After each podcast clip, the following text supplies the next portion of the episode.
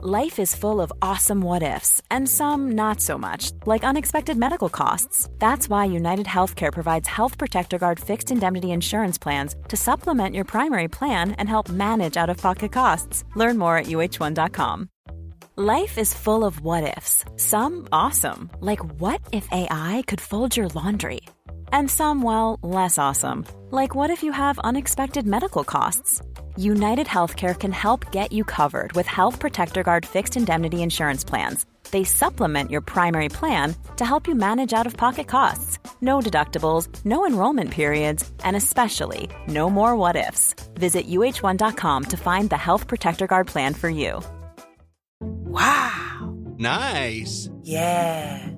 What you're hearing are the sounds of people everywhere putting on Bombas socks, underwear, and t-shirts made from absurdly soft materials that feel like plush clouds.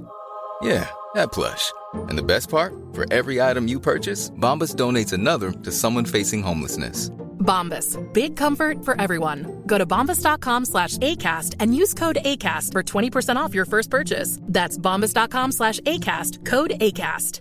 Quality sleep is essential. That's why the Sleep Number Smart Bed is designed for your ever evolving sleep needs. Need a bed that's firmer or softer on either side? Helps you sleep at a comfortable temperature? Sleep Number Smart Beds let you individualize your comfort so you sleep better together. JD Power ranks Sleep Number number 1 in customer satisfaction with mattresses purchased in-store. And now, save 50% on the Sleep Number limited edition Smart Bed for a limited time. For JD Power 2023 award information, visit jdpower.com/awards. Only at a Sleep Number store or sleepnumber.com. I don't need a lot of brains in this business. I mean, I've always said if you got an IQ of 160, give away 30 points to somebody else because you don't need it in investments. What you do need is emotional stability. Wow. Very first tech IPO, and it's a big one. Stock market hit an all-time record high today. A crash is coming now, whether it's six months from now, 12 months, 36 months, no one knows. There's a bear market about every five years. We've gone eight years without one. People have to realize this is the biggest IPO ever. Hej och välkommen till ett nytt fullspäckat avsnitt av podcasten Market Makers, din kompass i börsdjungeln. Oj, oj, oj, ny tagline. Ja, vi får se. Vi har ju testat den några gånger på skämt förut, men nu sa jag den gravallvarligt. Nej, jag tror inte det kommer bli så. Men vad ska vi prata om i det här avsnittet och varför framförallt? Ja, det här avsnittet, vi ska ju prata lite om de svenska storbankerna. Varför ska vi göra det? Jo, de har ju varit väldigt heta på tapeten eh, senaste tiden. Kan man säga kan man säga så? Heta på tapeten? Jag ska säga två olika saker, blir det heta på tapeten. Men det är ju sjukt intressant. Det kom ut ett eh, nytt Macrovoice-avsnitt för några timmar sedan med professor Steve Keen. Och och eh, ja, det han ville förmedla då, det var ju att Sverige i stort sett var det land i världen i störst riskzon för eh, finansiell härdsmälta. Och mycket var ju beroende på den här stora privata skuldsättningen. Precis, bostads bostadsbubblan som det brukar kallas. Eh, bostadsbubbla och eh, dessutom att företag är väldigt belånade. Jag för mig från avsnittet så säger han att det är dubbelt så högt belånat som jämfört med USA. Och USA är också väldigt belånat. Ja. Eh, och vilka, och det, det, det ledde in till på avsnittet idag, vilka är det som lånar ut de här pengarna? Jo, bankerna. Exakt. Och det är också intressant, för man ser ibland sådana här saker som att folk eh, tittar och säger att ja, men nu har Swedbank lågt P tal nu är det dags att köpa och sådär. Så det finns ändå ett stort syfte att ändå försöka förstå lite hur man värderar banker, hur man ska tänka kring banker och deras intjäning. Eh, om inte annat bara för en sån sak att en stor del av det svenska in, liksom, börsindexen, den svenska börsen består ju av banker, sen även industri också. Men bankerna är en stor central del av Sveriges ekonomi. Men innan vi går in på det så ska jag dra en liten kort lynchning här av ett av våra innehav som vi har i vår företagsportfölj. Eh, det var ju så, vi var ju på någon slags poddskola här förra veckan. Vi vart ju utvalda till att komma, det är ett företag som heter Soundtrap och de ägs av Spotify, så vi var på Spotifys huvudkontor. Wow, wow, wow, coola ja, och grejer. så var det massa föreläsningar och grejer. Jättespännande med podcastfokus. Bland annat sprang vi på Affärsvärlden och även Filip Scholtze från Peppins. Oj, oj, oj. Ja, sen den gamla räven känner ju folk igen. Och då var det bland annat Alex Schulman, då hade vi ett litet eh, utvägssamtal, han lyssnade på podden eh, och sen så hade han då även föreläsning. Och då lyssnade jag på deras podd, och vi har faktiskt inte hört den förut. Eh, och där hyllar ju de då Lyko och Lykos hemsida som de sa var helt fantastiskt designad. Och vet du då vilka som har designat den? Ja, men vill du säga det? Avencia, det var det jag skulle komma till. Så det var min lilla lynchning och samtidigt då lite humble brag om att vi har varit på den här podcastskolan. Så det var roligt. Så nu vet vi att Alex Schulman då investerar efter våra råd. Men ger vi ens råd Fabian? Nej, det gör vi inte. Ingen rådgivning eller rekommendation alls. Precis. Gör alltid din egen, egen analys. Jag vet inte varför jag sa råd, det bara vart så. Gör alltid din egen analys. Lyssna inte på oss. Eh, vi bara pratar om eh, vad vi tycker är intressant och vi är inga experter, håller inga certifieringar eller någonting sånt spännande. Men du, nu kör vi igång med de här bankerna. Du håller ju certifieringar, vad snackar du om? Banker, ja, de är ju notoriska för att vara svåra att värdera. Och därför tänkte vi köra ett avsnitt om det idag. Framförallt eftersom det är många sådana här företag som känns relativt billiga. Och eh, speciellt när flera har hamnat lite i så här, skandalstorm, eh, som Swedbank och det är även amerikanska Wells Fargo. Jag tror Danske Bank har haft det lite svettigt också. Ja, ja, men det är danskjävlarna. De är alltid svettigt. men frågan är som man ska börja säga, varför är det ens svårt att värdera? Eh, Jo, i grund och botten handlar det om att de är väldigt annorlunda från andra typer av företag man sätter på på börsen. Om man då säger inom citationstecken vanliga företag, ja de säljer produkter eller tjänster. Extremt enkelt att förstå. McDonalds de säljer hamburgare och för varje hamburgare de säljer så tjänar de några kronor förhoppningsvis. Eh, men banker då och eh, liksom finansiella institut, de säljer också produkter och tjänster. Men de här produkterna och tjänsterna består av pengar. Så det är alltså kapital på något sätt som flyttas fram och tillbaka snarare än då de här hamburgarna eller vad det kan vara för någonting. Så istället då för att man tjäna pengar på fysiska produkter, ja då tjänar man pengar på pengar. Det tänker att de flesta nog förstår det här, men vi tänkte ändå att det är bättre att börja från eh, botten och så bygga upp där, så tappar vi inte bort någon på vägen heller. Banker får pengar av kunderna via insättningar. Banker betalar sedan ränta på det här. De tar insättningen och sen lånar de ut det här till andra kunder eller företag till en högre ränta. Därmed tjänar alltså banker pengar på den här så kallade räntespreaden. Ja, det är i alla fall vad en traditionell bank tjänar pengar på. Kollar man på en banks resultaträkning så kan man ju även se en mängd andra intäktskällor. Du har ju kommission från investment banking, från kapitalförvaltning, eh, avkastning från trading och avgifter från kreditkort och så vidare. Man försöker bredda tjänstutbudet. Exakt, och det är till liksom Eh, på grund av massiv konsolidering har hänt de senaste årtiondena. Eh, kollar man till exempel Citigroup så har de ju, de är ju aktiva på i stort sett alla fronter, men det finns ju faktiskt fortfarande flera mindre banker som främst fokuserar på till exempel utlåning och så finns det de här boutique investmentbankerna som är coola och eh, specialiserade försäkringsbolag som verkligen bara gör sin lilla nisch. Men allmänt, det man kan säga för bank då, du sa att resultaträkning, ja, där hittar man ju de här tradingavgifterna och courtage och allt vad det är. Eh, men Traditionellt så är det ju balansräkningen snarare som står i centrum här, just för att man vill titta på hur mycket pengar finns det att tjäna pengar på kan man säga. Eh, till skillnad från många andra sektorer så är det just resultaträkningen som ligger i fokus. Då, då är det ju vad säljer vi och hur mycket tjänar vi på det. Eh, och man försöker ju inte på något sätt heller prognostisera försäljning i banker, utan snarare då lånen och därmed ränteinkomsterna och även insättningar då, eh, som är räntebärande. Och att bank har en så annorlunda affärsmodell, det påverkar givetvis också hur man ska värdera bolaget. Det blir lite andra nyckeltal som är intressanta. Ett exempel är hur bokföring för banker är annorlunda när det kommer till vinst och bokvärde än för andra sektorer. De tillgångar som banker äger tenderar att bestå av finansiella instrument, typ som obligationer, snarare än kanske maskiner som en fabrik skulle ha. De här instrumenten prissätts efter marknaden, vilket innebär att värdet på de här tillgångarna eh, varierar eh, från dag till dag. Och det är inte så konstigt egentligen när man tänker på hur sin egna depå går och hur aktier svänger i kurs intradag. Min går bara upp. Men förhoppningsvis så zigzaggar det upp lite. Aha, okay. Eller går det liksom... Det går bara upp? Ja, det går bara upp. Men det här kommer givetvis påverka hur banker noterar sina tillgångar i bokföringen, det vill säga deras bokvärde. Bokvärdet för banker noteras i det som kallas mark to market eller till marknadspris. Det här skiljer sig från andra sektorer där bokvärde är inköpskostnaden minus avskrivningar. Precis, det här är jätteintuitivt egentligen om man tänker efter. Det kan vara många knepiga ord, men alltså, du vet ju, om du tittar på din egen aktieportfölj så vet du ju exakt vad den är värd i varje enskild, varje enskild dag för att den handlas ju fram och tillbaka varje dag. Du kan alltid se en kurs på dina aktier och då vet du att exakt idag, eller idag är den värd exakt så här mycket. Och Det skiljer sig från en tempelfabrik fabrik, då, för de köpte in massa maskiner som kostade ett antal kronor och sen vet man inte hur mycket de är värda för att det är inte så att man, de ligger ute på någon marknad och prissätts varje dag.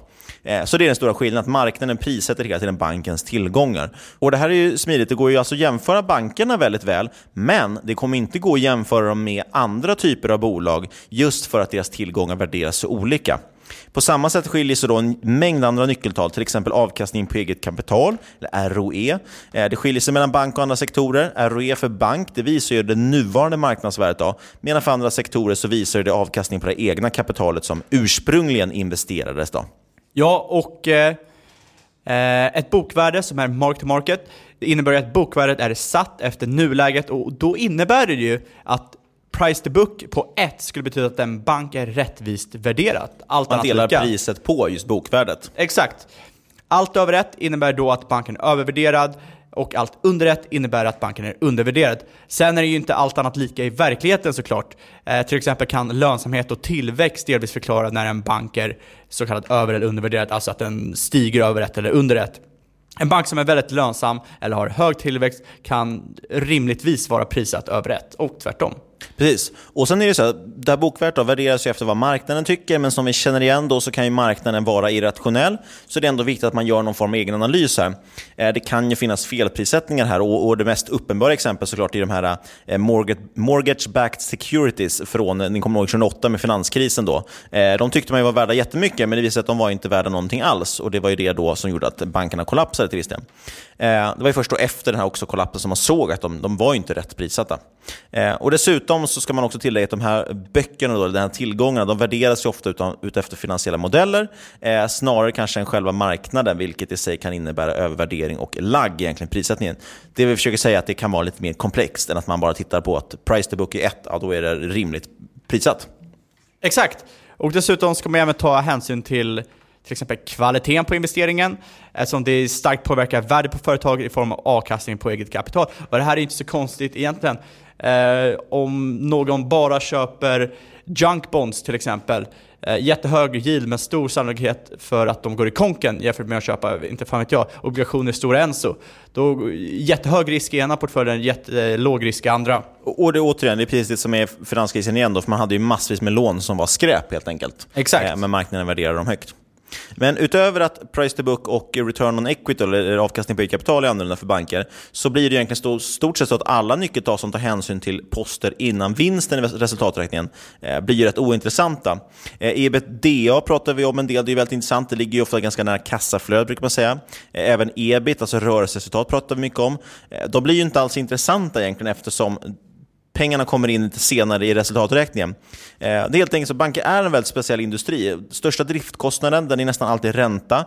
Eh, och ska man då ta hänsyn till liksom earnings before interest, som det faktiskt står för de här eh, nyckeltalen, då, ja, då blir det jättemissvisande för vi tar bort den, den största liksom, kostnadsposten. Och Det leder till att själva vinsten står i centrum för banker snarare än andra poster. Eh, och Givetvis skiljer sig också då bankers vinst och hur man ska tänka på den från andra sektorer. Ingenting är lätt med det här kan man ju säga. Inte alls, men det är det som är kul. Banker tenderar att ha långa perioder av vinster som följt av korta perioder med stora förluster. Och det är stora med stora bokstäver. Tänk er till exempel finanskrisen och sena åren efter det om ni vill ha en liksom, eh, lite närmare förståelse på det.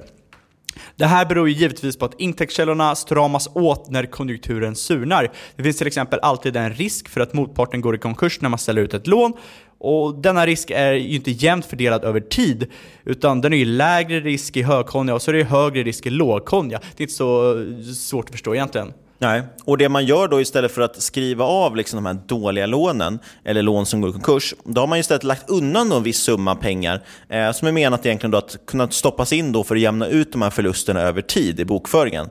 Eh, och Det här kapitalet dras då egentligen från varje års vinst. Eh, så det är en form av säkerhet man har. Och Det här kan vara intressant att hålla koll på, speciellt nu om man då tror att vi sitter, om vi är, vi är sent liksom i, i cykeln. Eh, och Det är för att konservativa banker ja, de kommer lägga undan mer vinst än de aggressiva bankerna, vilket gör att aggressiva banker ser mycket mer attraktiva ut idag, medan de liksom, konservativa bankerna ser dåliga ut, men egentligen är det så att de är mer defensiva och kanske blir bättre då över en, en sämre period med lite tråkiga år. Absolut, och det är kanske något man ska tänka på om man är till exempel utdelningsjägare. Men faktiskt är det ju så att reglering bestämmer ju liksom eh, kapitalkrav för de här bankerna. Eh, liksom en minimummängd som banker alltid måste behålla för att till exempel ha en viss likviditet. Eh, och det här gör ju att man långsiktigt till exempel aldrig kommer kunna se att en bank har 100% i vinstutdelning. Allmänt så är reglering något som man behöver hålla relativt stor koll på när det kommer till banker, eftersom förändring i reglering kan förändra det underliggande värdet på en bank väldigt, väldigt snabbt, genom att till exempel addera ett extra lager risk och osäkerhet. Man måste alltså vara medveten om de här riskerna när man ska försöka värdera banker för att inte trampa på en mina. Och de här regleringarna gör ju också att det inte är så enkelt att jämföra banker i olika länder eftersom regleringarna kan se väldigt, väldigt olika ut från land till land eh, och påverkar då avkastningen.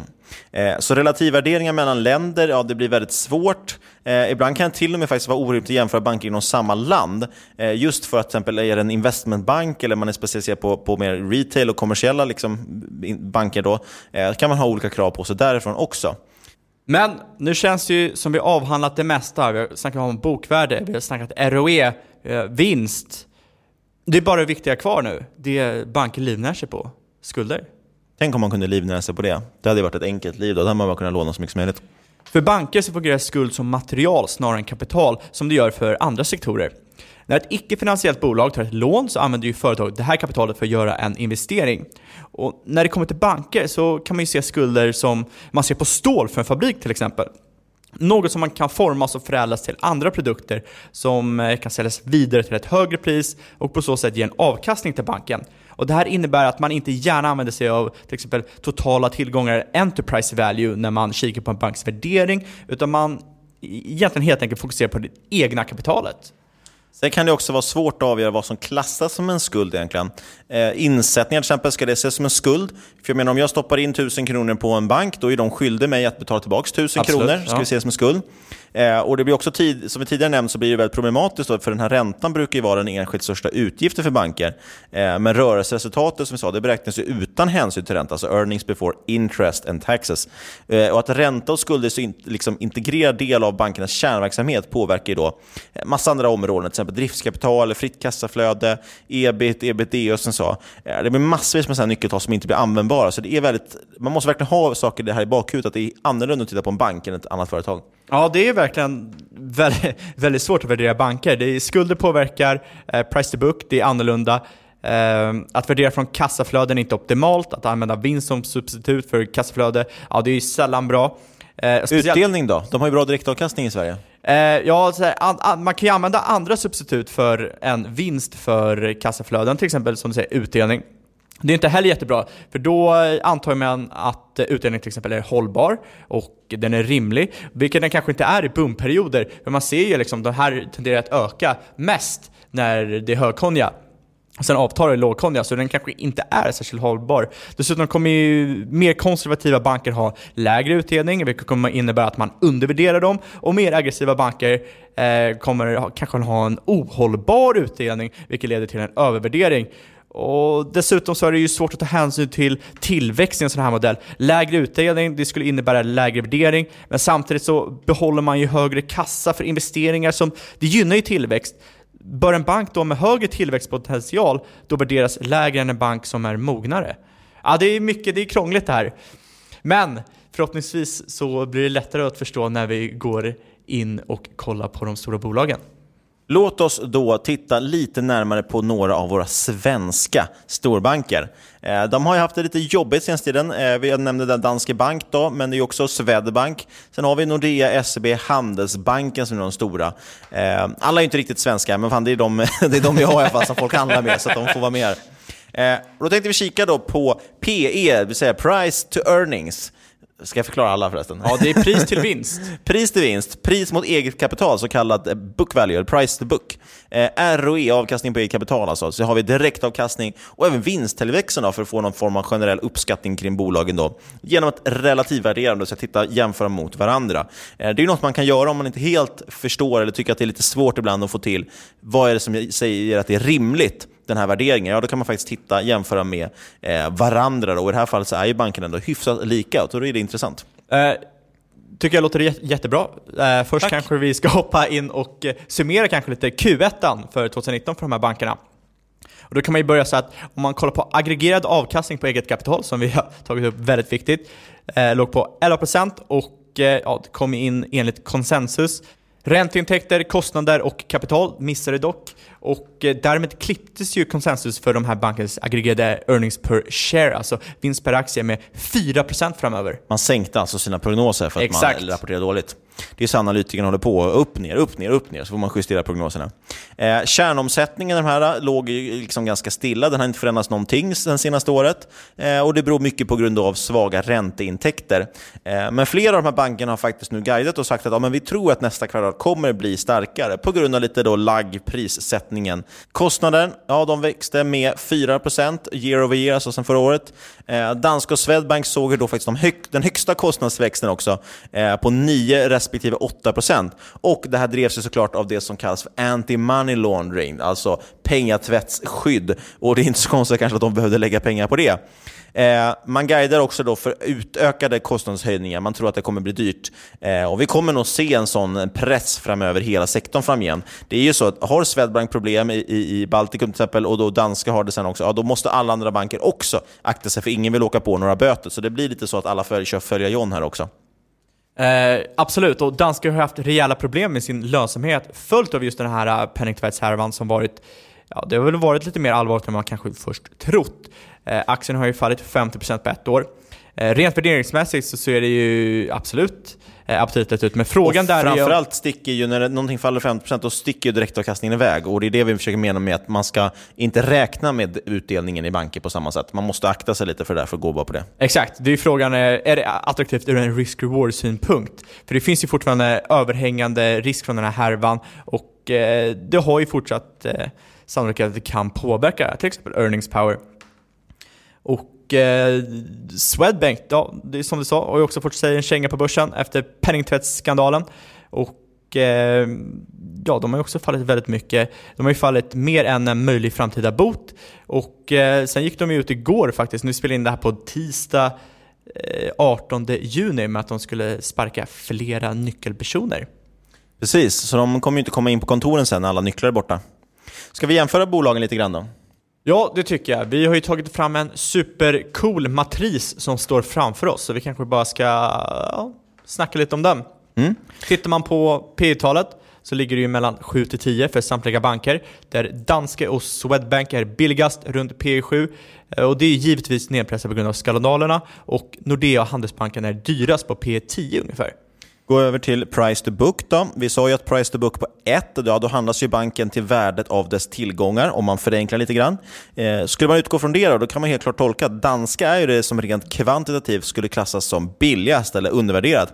För där är ett price to book på ja, 0,6 ungefär, så det är liksom nästan halva värdet av vad tillgångarna är värda. Eh, bolaget ser då jättebilligt ut jämfört med de till, deras tillgångar. Eh, och även vad som ser ut som en relativt konservativ utdelning och ett P som påverkas av den här härvan då, så ser danska billigt ut. Jämför det med då Swedbank som har liknande PE, men price to book ligger på 1,2. Det skulle alltså då vara, du betalar mer för tillgångarna än vad de egentligen är värda då, om man förenklar lite.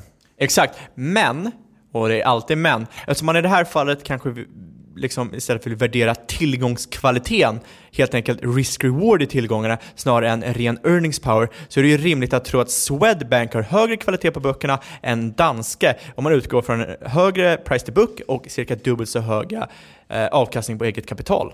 Och Måste man då välja med de här två, ja då ser det faktiskt lite ut som att Swedbank, i alla fall på pappret, då, eh, skulle kanske vara lite bättre köp än Skjut danska. Oss inte. Nej, det är ingen rekommendation det här. Men om man bara tittar på de bitarna, vi försöker vara lite pedagogiska och förklara vad vi ser i alla fall.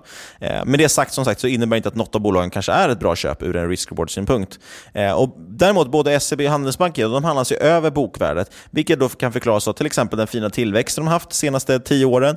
Eh, man har haft en ganska konservativ utdelning och man har hög kvalitet antagligen på sina tillgångar. Nordea, de står ju faktiskt ut lite som mellanmjölken bland dessa bolag. Eh, SEB, Handelsbanken som sagt, är ju toppskiktet och eh, Danske och Swedbank som ni redan förstår är bottenskiktet. Eh, Nordea, de handlas under bokvärdet trots hög yield.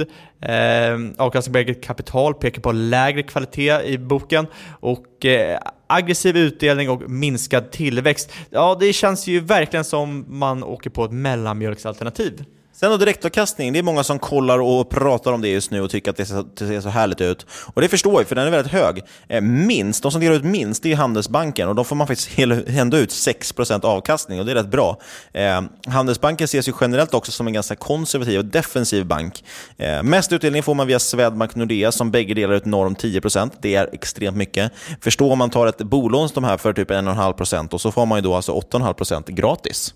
Det är inte dåligt. Eh, men man får då inte glömma att Nordea de delar faktiskt ut mer än 100% av sin vinst och det är såklart då inte hållbart i längden antagligen. Men om då Swedbank är det billigaste, ska man inte då bara rusa in och köpa det billigaste? Ja, eller så kan man kanske ska gå, eftersom det är så mycket risker i det här och svårt att värdera tillgångar och så vidare för en glad amatör, så kanske man då ska gå på våra poddgrannar Kvalitetsaktiepoddens tips här. De sa ju en gång att man ska köpa det dyraste bolaget i den billigaste sektorn. Alltså, eftersom bankerna, om man tycker att de ser billiga ut just nu, ja då kan man ju fördel istället välja det dyraste av bankerna. För då får du ändå något som är ganska billigt, eh, men marknaden värderar dem, antagligen dem lite högre just på grund av att man ser en lägre risk i bolaget. Ja, eh, just för att det är svårt att värdera banker så gör man nog klokt i att välja det marknaden gillar mest, just för att undvika att göra någon miss i sin egen analys som man får betala rätt dyrt för. Att rusa in i Danske Bank till exempel bara för att direktavkastningen ser hög ut och price to book är lågt, ja, det är nog mer riskfyllt än vad man först kan tro. Och nu har kvällen kommit till sin ända och därmed också avsnittet och vår lilla stund här tillsammans, Fabian. Åh nej,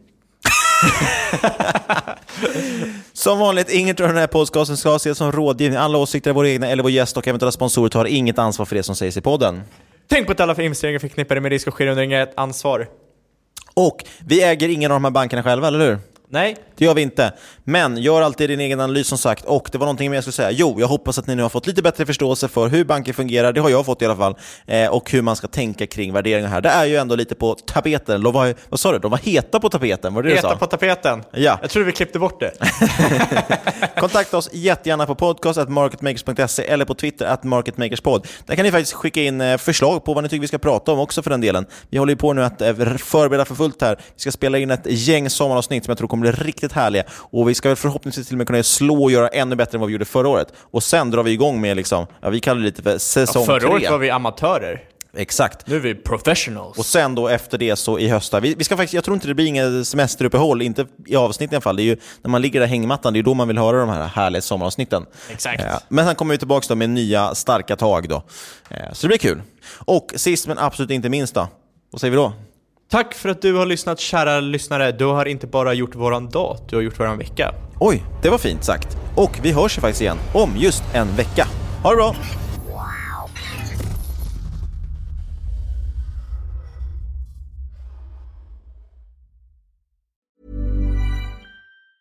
Quality sleep is essential. That's why the Sleep Number Smart Bed is designed for your ever evolving sleep needs. Need a bed that's firmer or softer on either side? Helps you sleep at a comfortable temperature? Sleep Number Smart Beds let you individualize your comfort so you sleep better together. JD Power ranks Sleep Number number 1 in customer satisfaction with mattresses purchased in-store. And now, save 50% on the Sleep Number limited edition Smart Bed for a limited time. For JD Power 2023 award information, visit jdpower.com/awards. Only at a Sleep Number store or sleepnumber.com. One size fits all seemed like a good idea for clothes Nice dress. Uh, it's a it's a t-shirt. until you tried it on. Same goes for your healthcare.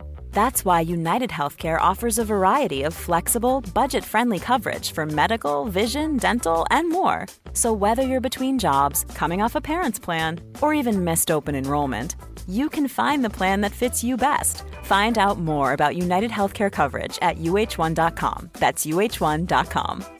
Hiring for your small business? If you're not looking for professionals on LinkedIn, you're looking in the wrong place. That's like looking for your car keys in a fish tank. LinkedIn helps you hire professionals you can't find anywhere else, even those who aren't actively searching for a new job but might be open to the perfect role. In a given month, over 70% of LinkedIn users don't even visit other leading job sites. So start looking in the right place. With LinkedIn, you can hire professionals like a professional. Post your free job on linkedin.com slash people today. Wow. Nice. Yeah. What you're hearing are the sounds of people everywhere putting on Bombas socks, underwear, and t-shirts made from absurdly soft materials that feel like plush clouds. Yeah, that plush. And the best part? For every item you purchase, Bombas donates another to someone facing homelessness. Bombas. Big comfort for everyone. Go to bombas.com slash ACAST and use code ACAST for 20% off your first purchase. That's bombas.com slash ACAST. Code ACAST. Many of us have those stubborn pounds that seem impossible to lose, no matter how good we eat or how hard we work out. My solution is PlushCare. PlushCare is a leading telehealth provider with doctors who are there for you day and night to partner with you in your weight loss journey. They can prescribe FDA-approved weight loss medications like Wagovi and Zepbound for those who qualify. Plus, they accept most insurance plans. To get started, visit plushcare.com slash weight loss. That's plushcare.com slash weight loss.